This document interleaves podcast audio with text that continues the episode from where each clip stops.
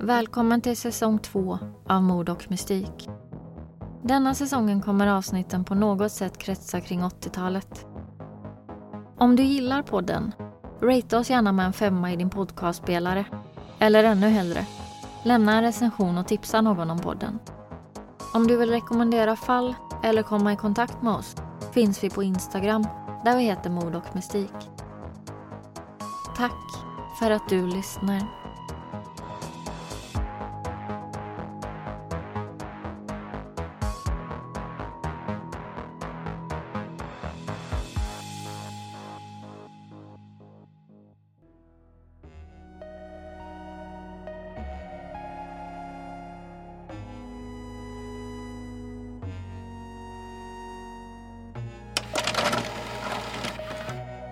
Filmen Poltergeist av Steven Spielberg, som kom ut 1982, handlar om familjen Freeling som bor i Cuesta Verde, som är en småstad i södra Kalifornien.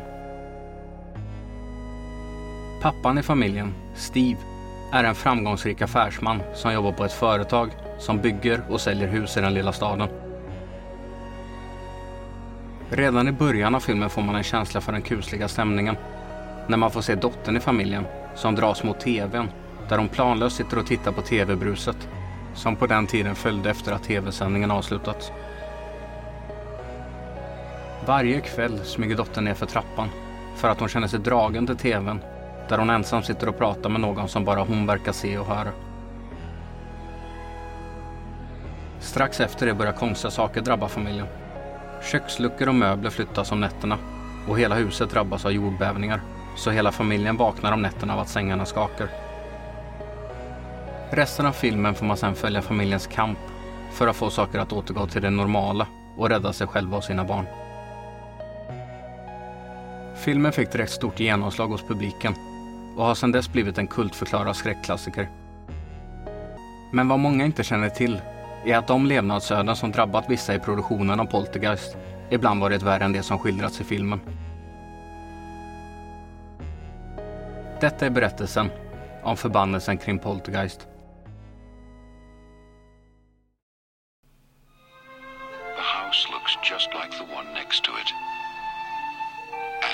Next to that. And the one next to that. A young couple live in it. Give Ken a kiss. You are so obnoxious. With their three children. Poor him. Honey, chew each bite ten times. And something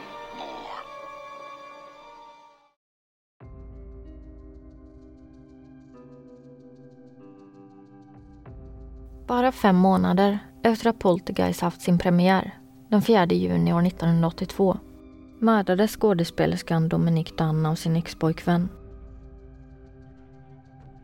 Dominique spelade det äldsta barnet i familjen och hennes död var det första kopplat till Poltergeist-filmen och också startskottet på ryktet kring att det vilade en förbannelse över filmen och dess produktion. Dominique var en talangfull ung skådespelerska hennes mamma med samma namn var en berömd Vanity Fair-författare.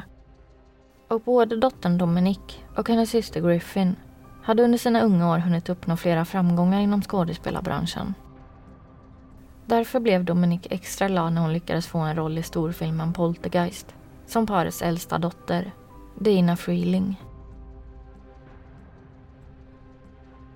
Dominique var vid tiden tillsammans med John Thomas Sweeney de hade träffats året innan på en fest och efter två veckors dejtande bestämde de sig för att flytta ihop. John Sweeney hade flyttat från Los Angeles till Pennsylvania där han hade vuxit upp i ett hem präglat av missbruk. Och den dåliga uppväxten hade haft en dålig inverkan på John. Tidigt i relationen började han misshandla Dominique och misshandeln som pågick under flera månaders tid eskalerade till den grad att John försökte strypa Dominique. Något som fick henne att flytta från deras gemensamma hem och istället flytta in med sin mamma. Hon lämnade ett brev till John där hon skrev citat. Du älskar inte mig. Du är besatt av mig. Personen du tror du älskar är inte jag, utan någon du hittat på i ditt huvud. Jag tror att vi bråkar när bilden du har av mig försvinner och du ställs inför det riktiga jaget. Den enda mannen jag är intresserad av är dig men vi är inte kompatibla. När vi är bra är vi bra. Men när vi är dåliga är vi fruktansvärda. Det dåliga väger tyngre än det goda. Det hela har fått mig att inse hur rädd jag är för dig. Slutcitat. Till slut flyttade John från huset de bott i tillsammans, vilket gjorde att hon kände sig trygg att återvända till hemmet. Hon bytte direkt alla lås för att försäkra sig om att hennes aggressiva expojkvän inte längre kunde komma in i huset. Några veckor senare hade Dominic blivit erbjuden en roll i science fiction-serien V och hade därför bjudit in skådespelarkollegan David Packer för att öva repliker. Plötsligt började det banka på dörren. Det var John Sweeney som kommit och han var rasande. Konfrontationen började med att Dominique och John pratade genom dörren. Men eftersom hon hade en vän över på besök kände hon sig tillräckligt säker för att gå med på att prata med exet på verandan. Så hon öppnade dörren och gick ut, samtidigt som kollegan David väntade kvar inne i huset. En kort stund senare hörde David dunsande ljud och två skrik. Han ringde polisen och smet ut ur huset via en bakdörr. När han närmade sig husets framsida såg han hur John Sweeney satt över Dominic i en buske. Och strax därefter anlände polisen. När John Sweeney såg polisen sträckte han upp händerna i luften och sa citat. Jag har dödat min flickvän och jag har försökt ta mitt liv. I efterhand har John sagt att han minns att han och Dominic börjat gräla på verandan men påstår att han inte kommer ihåg varför. Det enda han påstår sig minnas är hur han befunnit sig ovanpå henne samtidigt som han sett sina händer runt hennes hals. Ambulans färde Dominique till sjukhus där hon spenderade fyra dagar i koma innan hon avled. Den 4 november år 1982, 19 dagar innan hennes 23-årsdag. John greps direkt på plats och i den efterföljande rättegången framkom det genom vittnesmål av hans tidigare flickvänner att han varit fysiskt våldsam i flera tidigare relationer. Trots att det var uppenbart att det var han som var gärningsmannen ansåg domaren att det som hänt inte var ett planerat mord. Så istället dömdes John för assault with intent to do great bodily harm. Och straffet blev sex års fängelse, varav han avtjänade tre och ett halvt.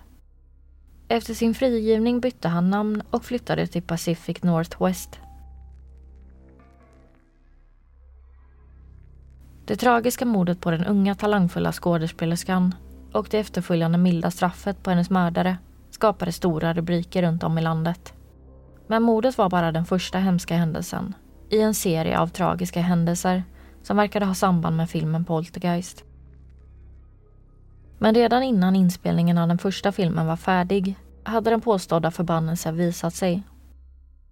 Tidigt i den första filmen finns en scen där sonen i familjen blir strypt av en clowndocka.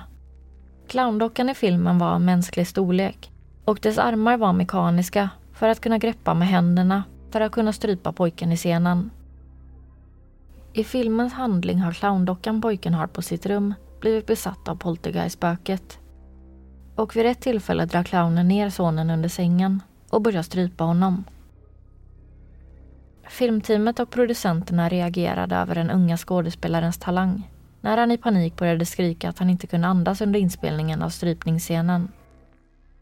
Övertygade om att skådespelaren Oliver Robbins tog sig kreativ frihet i sin roll och bara improviserade stod de närvarande och tittade på med häpnad. Det var inte förrän färgen i den unga pojkens ansikte började bli blått som Steven Spielberg kom till undsättning och bände loss dockans händer från tioåringens hals. Det visade sig att något blivit fel med clowndockans mekaniska händer så har strypgreppet den tagit blivit alldeles för hårt. Lyckligtvis klarade sig Oliver Robbins utan några bestående men från det som inträffat. I en intervju kommenterade barnskådespelaren själv händelsen där han sa citat. Dockan fastnade runt min hals och jag var i ett trångt utrymme under sängen och det är nästan som en bilolycka. Du vet hur bilolyckor händer så snabbt att man inte kommer ihåg. Men om du inte gör något åt saken kommer något hända.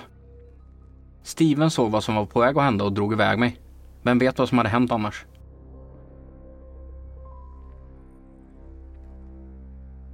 Det andra dödsfallet som drabbade de medverkande i Poltergeist efter mordet på Dominic Dunn var det av medstjärnan Heather O'Rourke som plötsligt dog den 1 februari år 1982, bara 12 år gammal.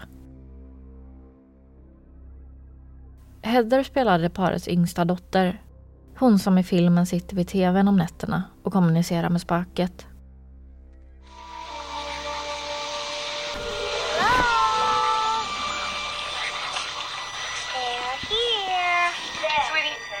Last night? Do you remember when you woke up and you said you were here? Uh-huh.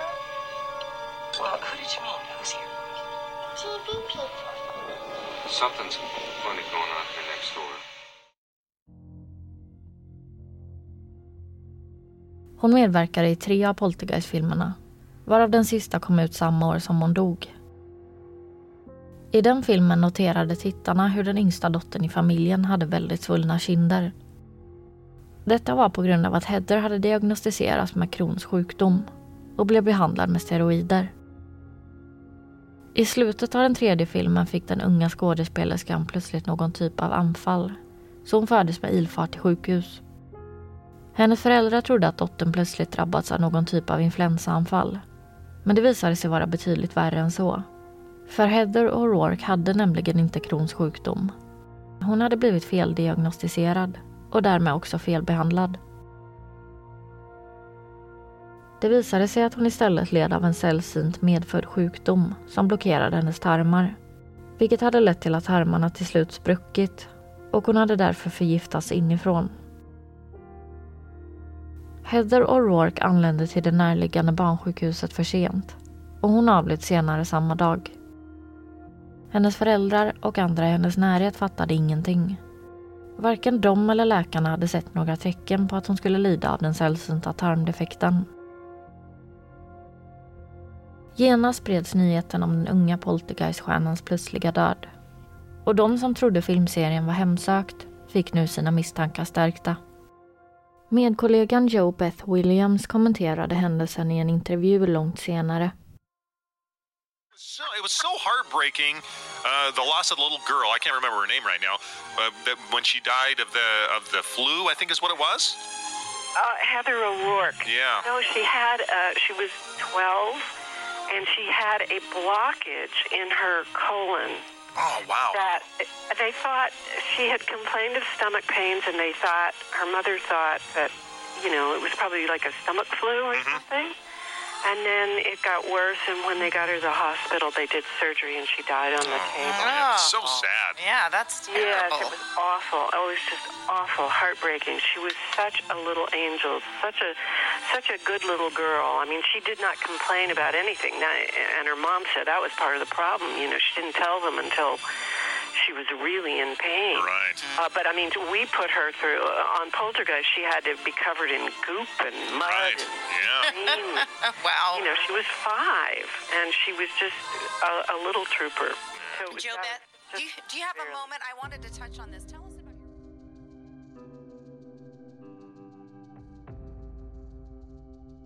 Den 22 mars år 1992 skulle US Air Flight 405 flyga mellan LaGuardia Airport i Queens till Cleveland, Ohio.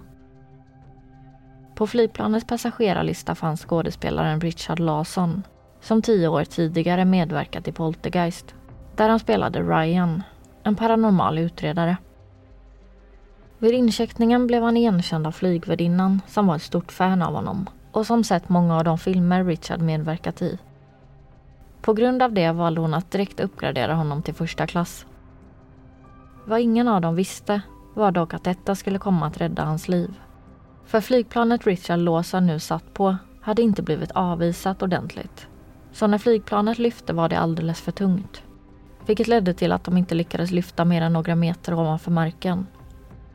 Detta resulterade i att flygplanet slog i flera hinder längs med landningsbanan och kraschade i Flushing Bay, bara några meter från flygplatsen.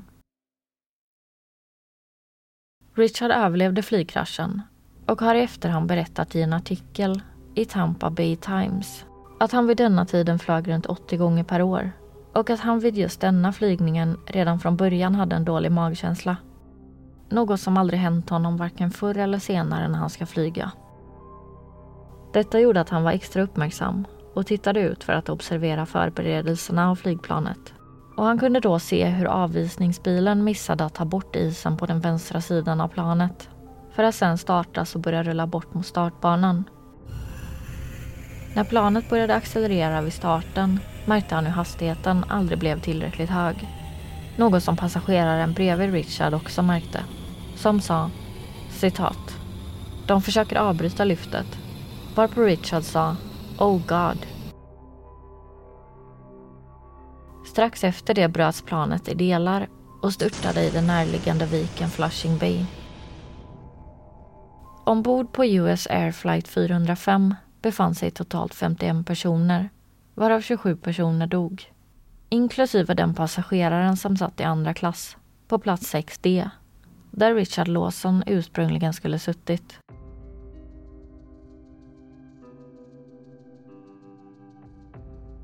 En mindre livshotande men trots det skrämmande är det fenomen som började drabba Joe Beth Williams som spelade mamma Diane i filmen.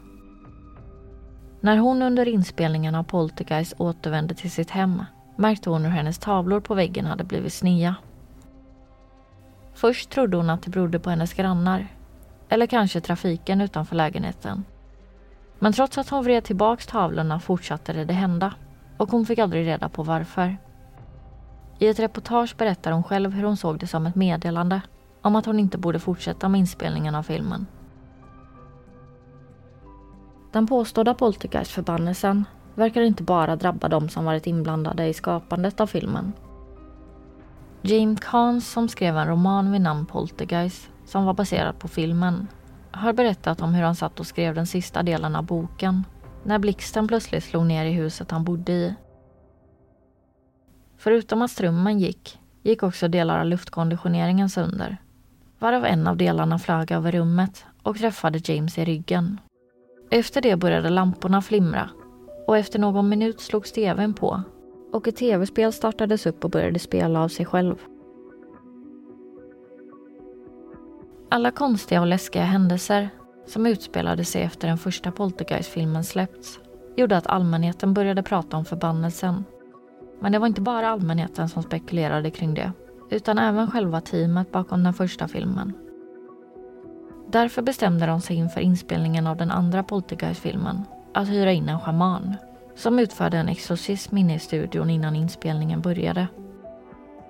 Denna ritual verkade dock inte ha hjälpt.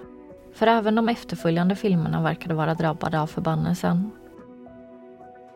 Bland annat inträffade en stor explosion vid studion som orsakade skador för 250 000 dollar. Tre personer skadades också, men ingen allvarligt.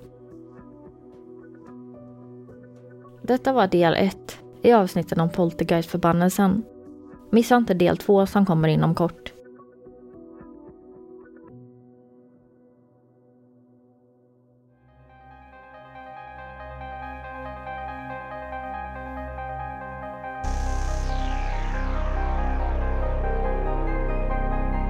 Du har lyssnat på Mord och mystik. Hoppas du gillat avsnittet. Vi hörs nästa vecka.